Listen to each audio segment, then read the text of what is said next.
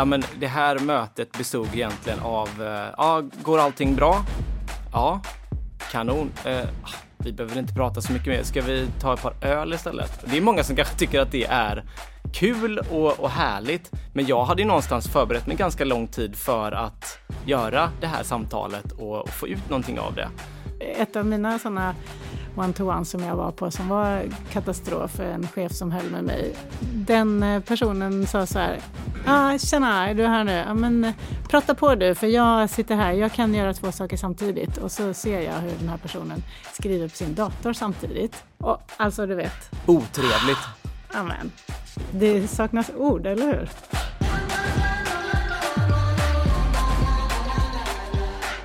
Livet på tre består av många delar och en superviktig del är ledarskapet. Vi på tre har höga ambitioner och vill att du ska haft din livs bästa chef under din tid här hos oss. Kaxigt, vi vet, men vägen dit kommer vara fylld av inspiration, insikter och utveckling. Så vad är egentligen trevligt ledarskap? Det ska vi prata om med vår alldeles egna Marcus Samuelsson, Sales Manager på Retail Konsument som tagit tåget ända från Göteborg upp till vår studio här i Trehuset. Och vår gäst Susanne de Boer som en gång i tiden också var trea men som numera jobbar heltid med ledarutveckling och som coach. Och för att krispa till avsnittet ytterligare har vi Sofie Ljungmar, vår ledarutvecklare här på Tre, som supertaggad host idag. Go ahead Sofie!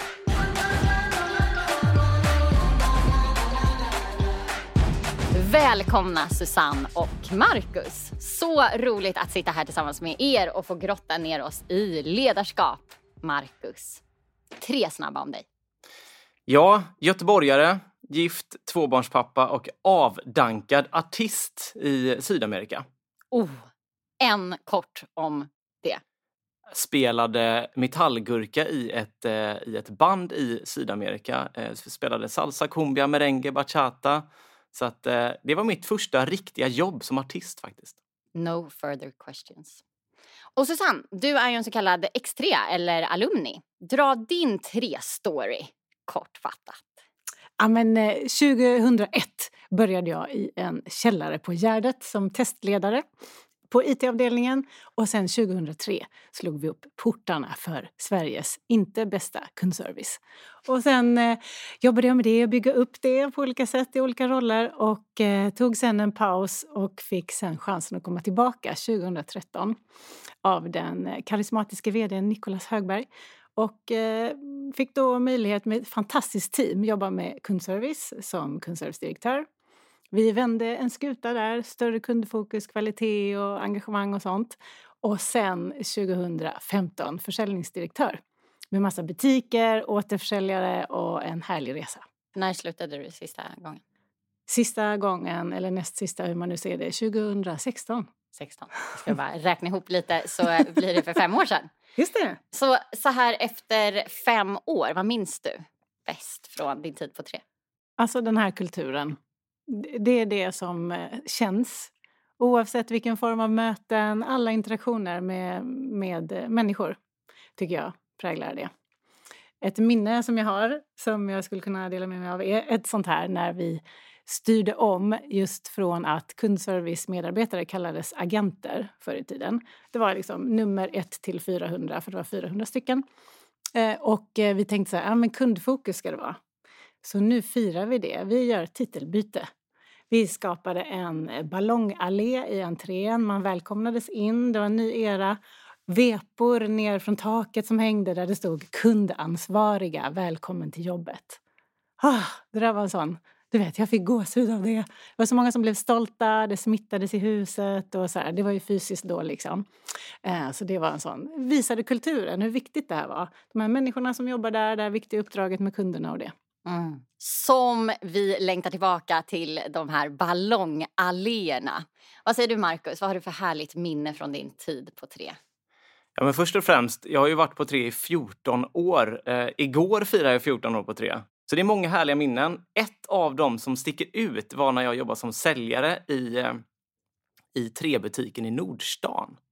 Och fick för mig att Ja, men här på det här bolaget är allting möjligt. Jag ställer mig och skickar ett brev till våran VD, återigen Nicolas Högberg, och frågar, då var han försäljningsdirektör på den tiden, och, och så tänkte jag så här, men jag, jag ska fråga om han vill komma ner och stå och sälja en dag med mig. Så går vi head to head och ser vem som är bäst på att sälja.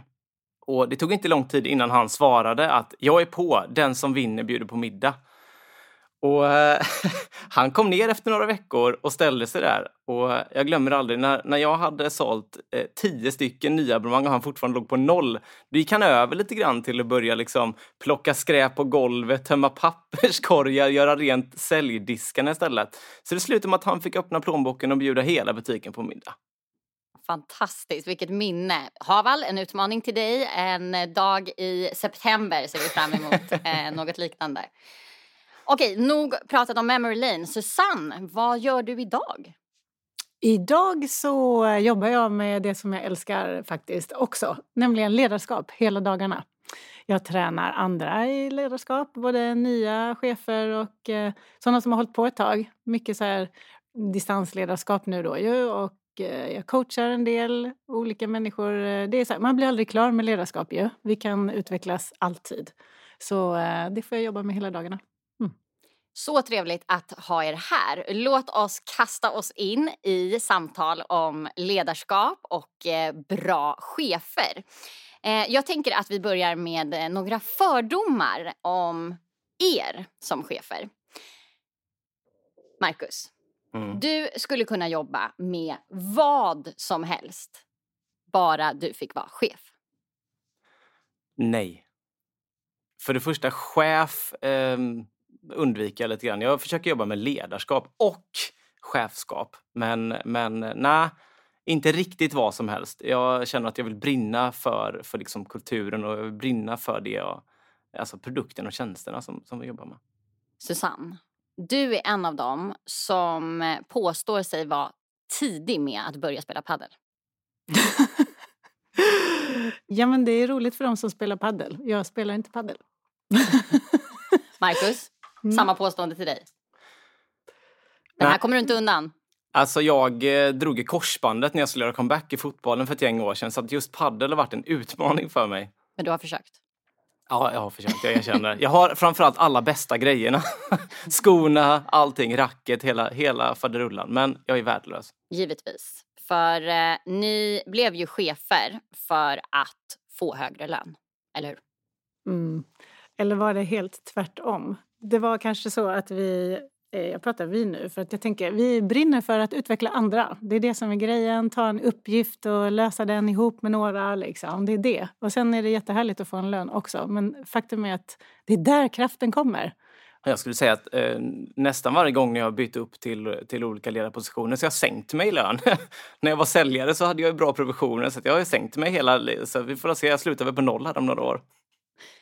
Ni blir bara medbjudna på lunch av kollegorna när de vill att ni ska betala för lunchen. Det här är så himla roligt. Nu går det upp ett ljus för mig. Så var det kanske. ja, det, ja. Det ja.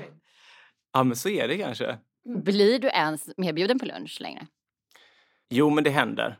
Det händer. Men eh, till slut var det att jag får betala ändå.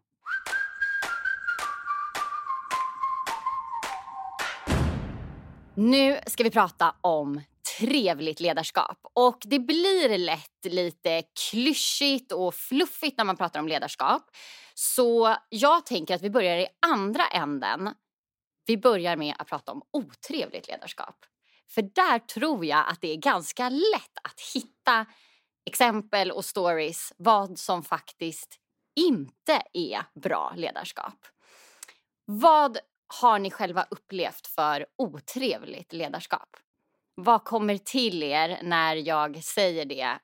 Susanne, har du något exempel? Ja, men jag har eh, exempel på det. Och, eh, till exempel så när jag var supersugen på att ha ett samtal med min chef och verkligen behövde det här inbokade one-to-one. Eh, och så får jag så här fem minuter innan, declined, du vet, utan varför eller inte när ska vi ses sen och så. Och sen får man se lite senare samma dag då, lite härliga golfbilder på den chefen. Så det, eh, superotrevligt, tycker jag. Otrevligt. Mm. Marcus? Ja, men egentligen två exempel. Det första har varit det här management by fear-chefer har jag haft eh, sedan tidigare. Där väldigt mycket bygger på liksom att man ska nästan vara lite rädd för sin chef. Att man ska få en avhyvling eller att man, att man gör fel. Så att det, det bygger liksom omvänd kultur. Det, det blir inte bra. Det känns inte skönt i magen. Det andra har varit ett, ett exempel när eh, när en chef fick för sig att eh, istället för att köra beröm i liksom plenum och positivt i enrum, säger man väl, så, så blev det tvärtom. Så jag fick ganska mycket beröm när vi satt själva. Men sen skulle man samla hela ligan med alla medarbetare och alltihopa som skulle sitta och feedbacka mig med liksom vad jag kan göra bättre. Och så det blev jätte, jättekonstigt. Så slutade med att jag gick därifrån och stod liksom på på toan och nästan hulkade för det var så jäkla obehagligt. Så det är väl ett bra exempel på hur man absolut inte ska göra. Otrevligt. Om, Otrevligt. Vi, om vi vänder på det här då. Vad blir det trevliga ledarskapet? Om vi börjar med dig Susanne. Ja, men jag gillar ju det här när en ledare säger jag tror på dig, jag vet att du klarar detta. Så även om du själv inte har kommit dit i tanken än, så här, att någon kanske pekar så här, men jag ser att du kan, så testa det du vet, ger en skjuts sådär. Jag har fått höra det några gånger av mina bra ledare och det hjälper jättemycket. Bara ta en chans mm. Eh, och kasta mig ut liksom. Ja, och att, eh, att ledaren ligger nära och bryr sig på riktigt. Det tycker jag är en viktig grej. Att man inte bara liksom låtsas bry sig och, och sen liksom ah, man lägger inte ner det där extra utan att man, man förstår vem man har framför sig som ledare då och att man, man försöker att anpassa sin kommunikation utefter vem det faktiskt är man pratar med så man inte applicerar samma ledarskap på alla. Eh, den typen av chefer har jag haft eh, som, som verkligen har sett mig och trott på mig och velat mig väl och då har jag också levererat bäst. Har du något sånt eh, exempel, någon händelse som du fortfarande minns där en chef gjorde det? Ja, men jag kan ju nämna vid namn då att jag har en chef idag som heter Niklas Sundsgårdberg som faktiskt blev årets chef också. Årets ledare på tre. Och han är otroligt duktig på att förstå mig och förstå vilka behov jag har och liksom ta ett halvsteg tillbaka och låta mig göra min grej. Så att när jag har kommit med alla mina galna idéer om vad vi ska göra nu under pandemin så har han låtit mig köra på. Det är allt ifrån att vi ska ha roliga timmen på fredagar till att vi ska ha incheckningar och alla möjliga galna grejer. Eh, temaveckor. Och han, han, liksom, han låter mig köra och, och liksom ger mig beröm och finns där i bakgrunden. Eh, och det tycker jag är ett otroligt bra ledarskap. Susanne, har du något exempel på någon chef som har gjort något trevligt som du fortfarande minns och har en bra känsla av i magen? Ja, men jag har haft en superchef, eh, jag har haft många bra chefer, en som heter Anna-Karin Laurell och hon eh, hon var så här, men Susanne du kan ju skapa energi så att det går, använd det nu här ute bland människorna. Liksom. Eh, jag gör vad du behöver göra. Eh, och jag gillade det. Och liksom kunde, just som du säger, leva ut då. Och bara ta för mig och hon lät det hända. Så att, att få experimentera lite, hitta faktiskt vem man själv är som ledare. Det är en eh, möjlighet att få. Jag tycker man ska ta den. Och har du en chef som inte ser det så tycker jag så här, uppmanar dig, säg vad du vill då. För att chefer är inte alla telepatiska, några är det, men vissa är inte det och förstår inte vad omgivningen vill. Och då får du helt enkelt säga det. För det är också bra när man får göra fel. Jag har gjort många fel eh, som ledare också. Och det är väldigt lärorikt och jag får be om ursäkt för dem som det har drabbat. Eh, ett superfail jag gjorde var i början av min chefskarriär eh, så ville jag så gärna vara omtyckt. Du vet, så att jag så här, ah, feedback, det får bara vara ifall om det är något förstärkande, någon som har gjort något bra, då kan man strössla med det. Men det andra bara, blulup, det, så här, det låter vi bli. Så jag blev så otydlig, var otydlig med förväntningar på vad man skulle göra i det här jobbet och så, hur man skulle vara som kollega, vilka värderingar förväntar vi oss och så. Så att det här blev så otydligt så jag trodde en människa var, liksom, det var läge att avsluta den personen för att så omotiverad och allt blev fel och så här. Så jag drog det kortet så snabbt. Jag hade inte frågat, jag hade inte ställt tydliga förväntningar och hur kan jag hjälpa dig för att komma i mål med det här? Utan jag var bara strutsade typ. Det blev katastrof för den människan. Och jag fick mig en törn som ledare också. Och sen den dagen liksom jättetydlig med okej, okay, det här förväntar jag mig. Vad tycker du om det? Vad behöver du för att lyckas med det? Och det här har jag sett i den här situationen. Hur upplever du det? Du vet, tydlig feedback nedskrivet på en lapp så man kan så här, båda kan titta på det. Det går inte att komma undan. Och så pratar man om det. Ofta. Så blir det inte så dramatiskt och sen blir så här, lönesamtalen blir ganska Ja, det vet vi redan, ni vet. Annars kan det vara en sån man får klump i magen. Oh, lönesamtalet, hur ska jag uttrycka mig? Och vi har den här potten och vad det nu är man funderar på. Men kör man feedback regelbundet och den är tydlig, man ser varandra i ögonen, då går det jättebra. Då visar det så här, det kommer från en bra plats, jag vill dig väl som kollega. Så mm, fails kan bli något bra till slut. Eh, så våga fejla. Ja, och så viktigt det du säger, bara se, se varandra i ögonen. Vad långt man kommer med att se någon i ögonen för då blir det ju autentiskt och äkta. Marcus, har du någon händelse som chef som du fortfarande grämer dig över? Ja men oh ja, många skulle jag säga. Min största fail är vi, vi pratade lite om Tres kultur innan och när vi gjorde ett ganska stort kulturarbete för ett gäng år sedan så fick jag den stora äran att vara en av kulturambassadörerna. Och då skulle vi utbilda andra chefer i ledarskap. Så det var ett Train the Trainer-projekt egentligen. Och då blev det, jag hade två butiker, två butiker i Nordstan och en personalgrupp på, jag tror det var 12 personer. Och det krävde ganska mycket närvaro. Jag hade byggt upp hela min kultur som en subkultur nästan i butikerna på grund av att jag stod längst fram och jag sålde, jag tog liksom jobbiga kundärenden. Jag var väldigt närvarande och, och vi älskade att stå där och jobba ihop. Men sakta men säkert när jag åkte upp till Stockholm mer och mer. Jag satte upp ett mål att jag ville bli årets unga ledare, vilket jag kämpade för jätte, jättemycket. Jag kanske var tre dagar i veckan, sen blev det fyra dagar vissa veckor uppe i Stockholm. Och sakta men säkert så tappar jag golvet. Så att de jag hade i butiken kände inte längre att jag fanns där för dem. Utan jag fanns där för mig själv och mina egna mål och det jag själv ville vinna och göra.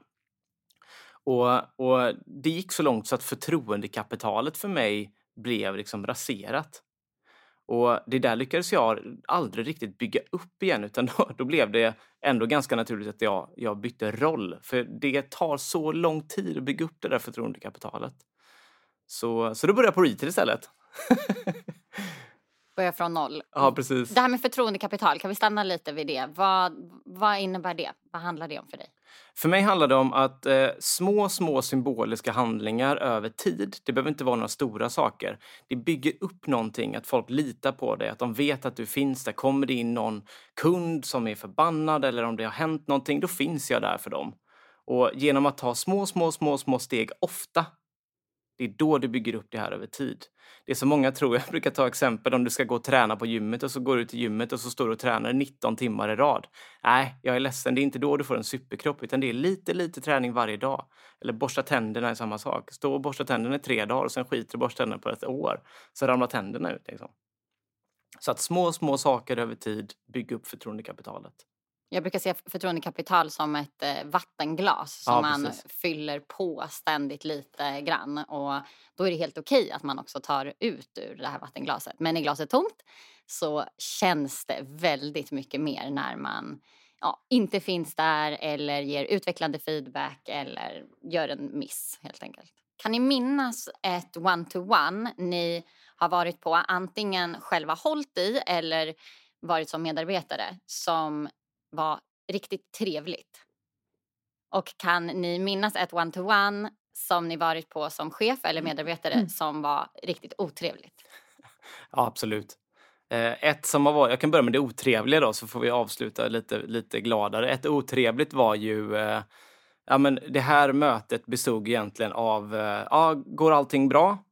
Ja, kanon. Ah, vi behöver inte prata så mycket mer. Ska vi ta ett par öl istället? Det är många som kanske tycker att det är kul och, och härligt. Men jag hade ju någonstans förberett mig ganska lång tid för att göra det här samtalet och, och få ut någonting av det.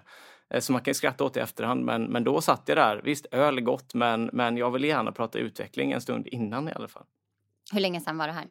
Ja, det är många år sedan. Ja, det är ju Ja. intressant det här att de exempel ni delar, framför allt i dåligt ledarskap, sitter kvar så länge. Så många år efter så kan det fortfarande finnas kvar i en. Och likaså goda exempel. Eh, Det kan verkligen sitta kvar i många, många år Mm. framåt. Jag tänker vi som har många unga medarbetare på tre, vilken otrolig effekt vi kan göra på hela deras ja, men givetvis eh, karriär men också självkänsla och självkännedom och vart det tar oss alla i livet. Men det, om jag ska bara snabbt dra det goda exemplet då för att avsluta på topp så är det jag bestämde mig för att jobba mycket mer med att förbereda mig för vem jag har på andra sidan. Och jag la ner enormt mycket tid på att bara förbereda mig på att möta människan och inte prata resultat i första hand. Eh, och då gjorde jag det faktiskt för första gången för ett år sedan. Och alla de medarbetarsamtalen jag höll då blev så otroligt mycket bättre. Det kom djupare, det blev mer personligt och eh, väldigt mycket roligare. Och nöjdheten blev också väldigt mycket högre. Pratade ni om resultat? Nej, det kom tids nog. Eh, men vi började i rätt ände. Och där tycker jag det är sån bra ordning att börja i, för vi är människor först och så har vi också en uppgift att lösa och så gör man det ihop eller själv eller hur det nu är. Men att börja med det där förtroendet, superviktigt. Och jag får många frågor nu idag, så här, men hur bygger man det? Det går ju inte när det är digitalt och sådär. Men det gör det visst det. Det är bara att du som chef vrider upp volymen på ditt ledarskap och fråga oftare än du har tänkt, lyssna längre än du har tänkt. Att du är riktigt närvarande liksom. Och också bjussar på lite eget. Från helgen till exempel, eller så här, också exempel. Jag har haft en skitmorgon idag. Jag, du vet, är lite skakig nu. Så, så här, bear with me den här stunden. När vi som ledare också sätter ord på att vi har vanliga liv, då vågar våra medarbetare också ha det. Och då kan man som du säger där, komma varandra liksom närmare in på, man fattar vad någon går igång på på riktigt. Så vi slipper de här, allt går bra, ni vet, upp med mungiporna till öronen så, fast man känner så här, det är inte bra. Det här, det här är superrätt och otroligt, eh, ja, det är spot on. Och för att addera till där, du pratar om att lyssna. Och att lyssna för att förstå eller att bara lyssna. Så att lyssna aktivt är en otrolig fördel. Eh, och försök att koppla bort allting runt omkring och verkligen lyssna. Många Ja, jag älskar att du säger det. För ett av mina såna one-to-one som jag var på som var katastrof, en chef som höll med mig. Den eh, personen sa så här, ah, tjena, är du här nu? Ja, men, eh, prata på du, för jag sitter här, jag kan göra två saker samtidigt. Och så ser jag hur den här personen skriver på sin dator samtidigt. Och, alltså, du vet, Otrevligt. amen. Det saknas ord, eller hur?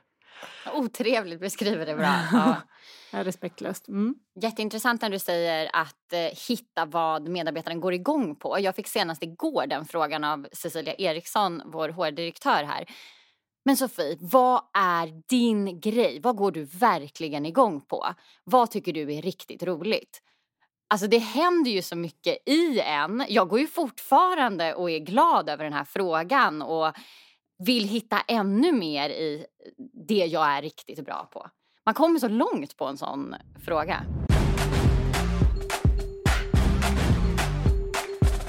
Vi har också frågat våra följare på Instagram vad de tycker är bra ledarskap. Och en av dem som skickat in en hälsning är Jenny Björn. Hej, Jenny Björn här. Den bästa chef jag haft är Emma Dahlbäck. Hon lärde mig att good enough är inte alls en ursäkt till att göra allt lite halvbra, som jag alltid har trott. Utan att veta när det måste bli perfekt och när det inte behöver vara perfekt. Det tror jag är superviktigt och hållbart i längden. Good enough, vad tänker ni om det? Först så tänkte jag också på den här då gamla definitionen att eh, vadå, good enough, ska vi slira med kvalitet och engagemang? Nej, det ska vi inte. Men sen, jag gillar precis det här att eh, ibland då avgöra hur mycket engagemang ska jag lägga? Ska jag lägga lika mycket på allt? Och svaret är nej, välj lite mer medvetet. Det kommer att bli bra det också. Så att vara lite medveten om vart du lägger din energi. För du är säkert ambitiös och allting från början. Då håller du faktiskt längre. Jag tror också på det här att vi är ambitiösa. Jag tror att vi, vi har ett inneboende driv och vi människor vill och inte minst vi treor vill mycket. Så det vi behöver hjälp med är kanske just att prioritera, göra rätt saker och hitta rätt riktning. Speciellt när självledarskapet blir större och vi kräver att våra medarbetare tar, tar mycket eget ansvar så behöver ju ledaren just hjälpa till med att fokusera och prioritera rätt. Ja, har man en stark kultur så att du vet vart du ska framåt, då tycker jag också att det är mycket lättare att veta när det måste bli perfekt och när det är okej okay att det är good enough. Så länge jag vet vart, eh, vad jag springer på. En annan kollega som eh, delar sina tankar om en god ledare är eh, Amanda Israelsson som lyfter sin tidigare chef Lena Johansson. Hon är nämligen rättvis i sitt ledarskap. Vad tänker ni om rättvisa? Jag tänker att eh, rättvisa är helt personligt för var och en. Vad är rättvisa? Alltså det som eh, jag tycker funkar bra i ledarskap det är när en ledare är transparent kring beslut till exempel. Vem har fått vilket uppdrag och varför då? Vad har vi grundat det här på? Om det är en nominering för någonting eller någon som har fått ett, ett projekt eller du vet en, en tjänst av något slag. Att det då är tydligt varför har detta skett. Så att det inte kan upplevas som favorisering eller att man är bekväm eller sånt där. Så transparens tror jag på. Och sen också insikten, men rättvisa är olika för alla. Det är sjukt svårt att upplevas rättvis. Så ibland får man vara lite schysst mot sig själv också som chef och inse ja, folk tycker olika om det här. Jag har resonerat på det här sättet. Grundar i sig själv liksom. Sen är jag ju en tvilling också, jag har en tvillingsyster. Så jag har tränat på att vara rättvis i snart 50 år.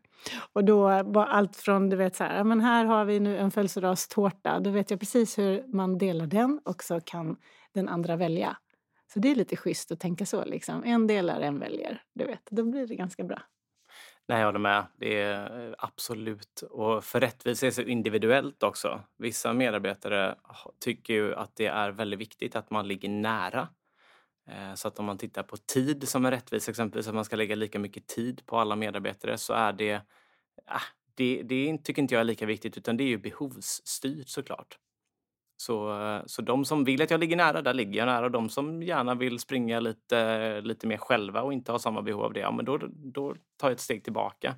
Det tycker jag är mer rättvist, att man, att man anpassar sig. Någonting som vi har varit inne på är det här med potential och det är också en av våra fantastiska följare som eh, lyfter det, Snowflake Photo. Hon pratar om att Eh, hon haft en chef som är superbra på att hitta potential i sina medarbetare. Vad tänker ni om det här? Jätteviktigt och det är ju någonting vi har varit inne på innan. Om du förstår vad din medarbetare har för liksom drivkrafter och vad som triggar dem och faktiskt vad som avtänder dem eh, så är det väldigt mycket lättare att se potentialen i din medarbetare. Och även att se potential i våra olikheter. För många gånger som ledare och chef så är det enkelt att rekrytera personer som är precis likadana som dig själv. Eh, man ser det här på så många ställen. Det är en, en grupp som är väldigt homogena. Det, det, ser ungefär likadant ut i allas profiler och det tycker man är jättetrevligt. Där tycker jag att det är eh, viktigt att våga tänka utanför och se potentialen i våra olikheter för då kan vi verkligen accelerera när vi kompletterar varandra. Mm, jag håller med. Just den här att dynamik är så viktigt i team och då ofta så får folk vara sig själv på jobbet och blir det väldigt bra. Eh, och jag tycker som ledare så kan du fråga så här, vad, som sagt, vad, vad, får du riktigt mycket energi av på jobbet? Vad är roligt? Eller vad går du igång på hemma för den delen? Då kan man ana lite grann eh, vad det är för profil. Och sen om personen inte vet så kan du föreslå själv. Ibland blir det en så uppenbarelse för någon när vi som chefer sätter ord på det vi ser. Sen är det upp till var och en att välja. Liksom. Jag tycker föreslå och fråga mycket. Jag tänker också att det handlar om att se hela människan. Jag minns eh, själv när jag var 18 år och hade precis börjat som säljare på MQ och hade en fantastisk chef, Mia Mattisson. Vi var på en 40-årsfest. Det här hade ju ingenting med jobbet att göra. Jag var där för att det var en familjevän som fyllde år och eh, jag höll ett eh, tal till henne. Jag får höra i efterhand att Mia har vänt sig till hela sitt bord och sagt Hon är min. Jag har precis rekryterat henne. Hon är en grym säljare, en grym person. Och det här hade ju ingenting att göra med mitt jobb egentligen. Men att hon såg hela mig och det är klart att det finns en koppling mellan jag som säljare och jag som talhållare. Så härligt. Det känns fortfarande i hela min kropp när jag tänker på Mia. Alltså det är så inspirerande och det hänger ihop med det du sa Markus förut att när vi är personliga i våra också digitala möten och sådär att vi fångar människan först för det är människan som är där. Vi kan inte bara prata uppgift och resultat. Det är lätt hänt också när vi leder på distans ju. Men att vi lägger tid på det och fatta vad som pågår där runt om. För då kommer man att få lojalitet och någon som tar ett extra tag till och du vet, anstränger sig ännu mer. Och det vill vi ju. Så vi ska lyssna och leta efter signaler. Det är vårt uppdrag. Tack för idag. Så bjussigt ni har delat med er av era tankar kring eh, ledarskap. Nu har ju ni eh, kommit fram till en låt hoppas jag gemensamt. Ja, vi, står lite... och, vi står och väger mellan två här så att eh, vi är lite nyfikna. Jag ska, jag ska säga hur jag tänker så kanske vi kan föra din tanke sen. Så gör vi. Ja, spännande. Enna då? Jag tänker så här. Vi har pratat mycket om det personliga ledarskapet. Att eh, det är viktigt att vara sig själv. Och eh, därför har jag valt Lale. Bara få vara mig själv. Hur tänker du? Oh, jag gillar den låten och bra budskap, verkligen.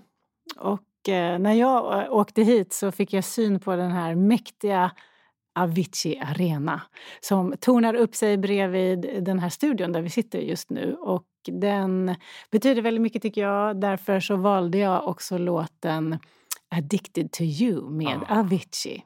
Oj, oj, oj. Eh, för där tänker jag att vi som ledare får gärna vara addicted till våra medarbetare och team. Då brukar det bli väldigt bra. Och till uppgiften och kunderna och så här. Lite sund addiction. Ja, jag lägger mig platt. Det är ju klockrent. Absolut. Och symboliken, vi sitter ju faktiskt precis, jag sitter och ser Globen här i detta nu. Så att eh, jag tycker att vi avslutar med Addicted to you. Klockrent låtval. Tack för att ni har varit här och eh, delat era tankar kring ledarskap. Susanne, wow, så härliga reflektioner. Tack för att jag fick vara med i den här sprakande stunden och dialogen. Marcus, tusen tack att du var med oss. Du sitter på så mycket kloka ledaregenskaper. Ja, men tack snälla och kul att få komma upp till Stockholm igen efter så här lång tid. Kul att få komma upp till Trekontoret efter så här lång tid och få träffa lite människor på riktigt. Så att, ja, jag är superglad. Tack! Och tack till er som lyssnat. Hoppas ni blivit inspirerade och kanske har du blivit påmind om någon chef som du helst vill glömma. Eller har det dykt upp något härligt minne kring en trevlig ledare du haft. Nu, Addicted to you med Avicii.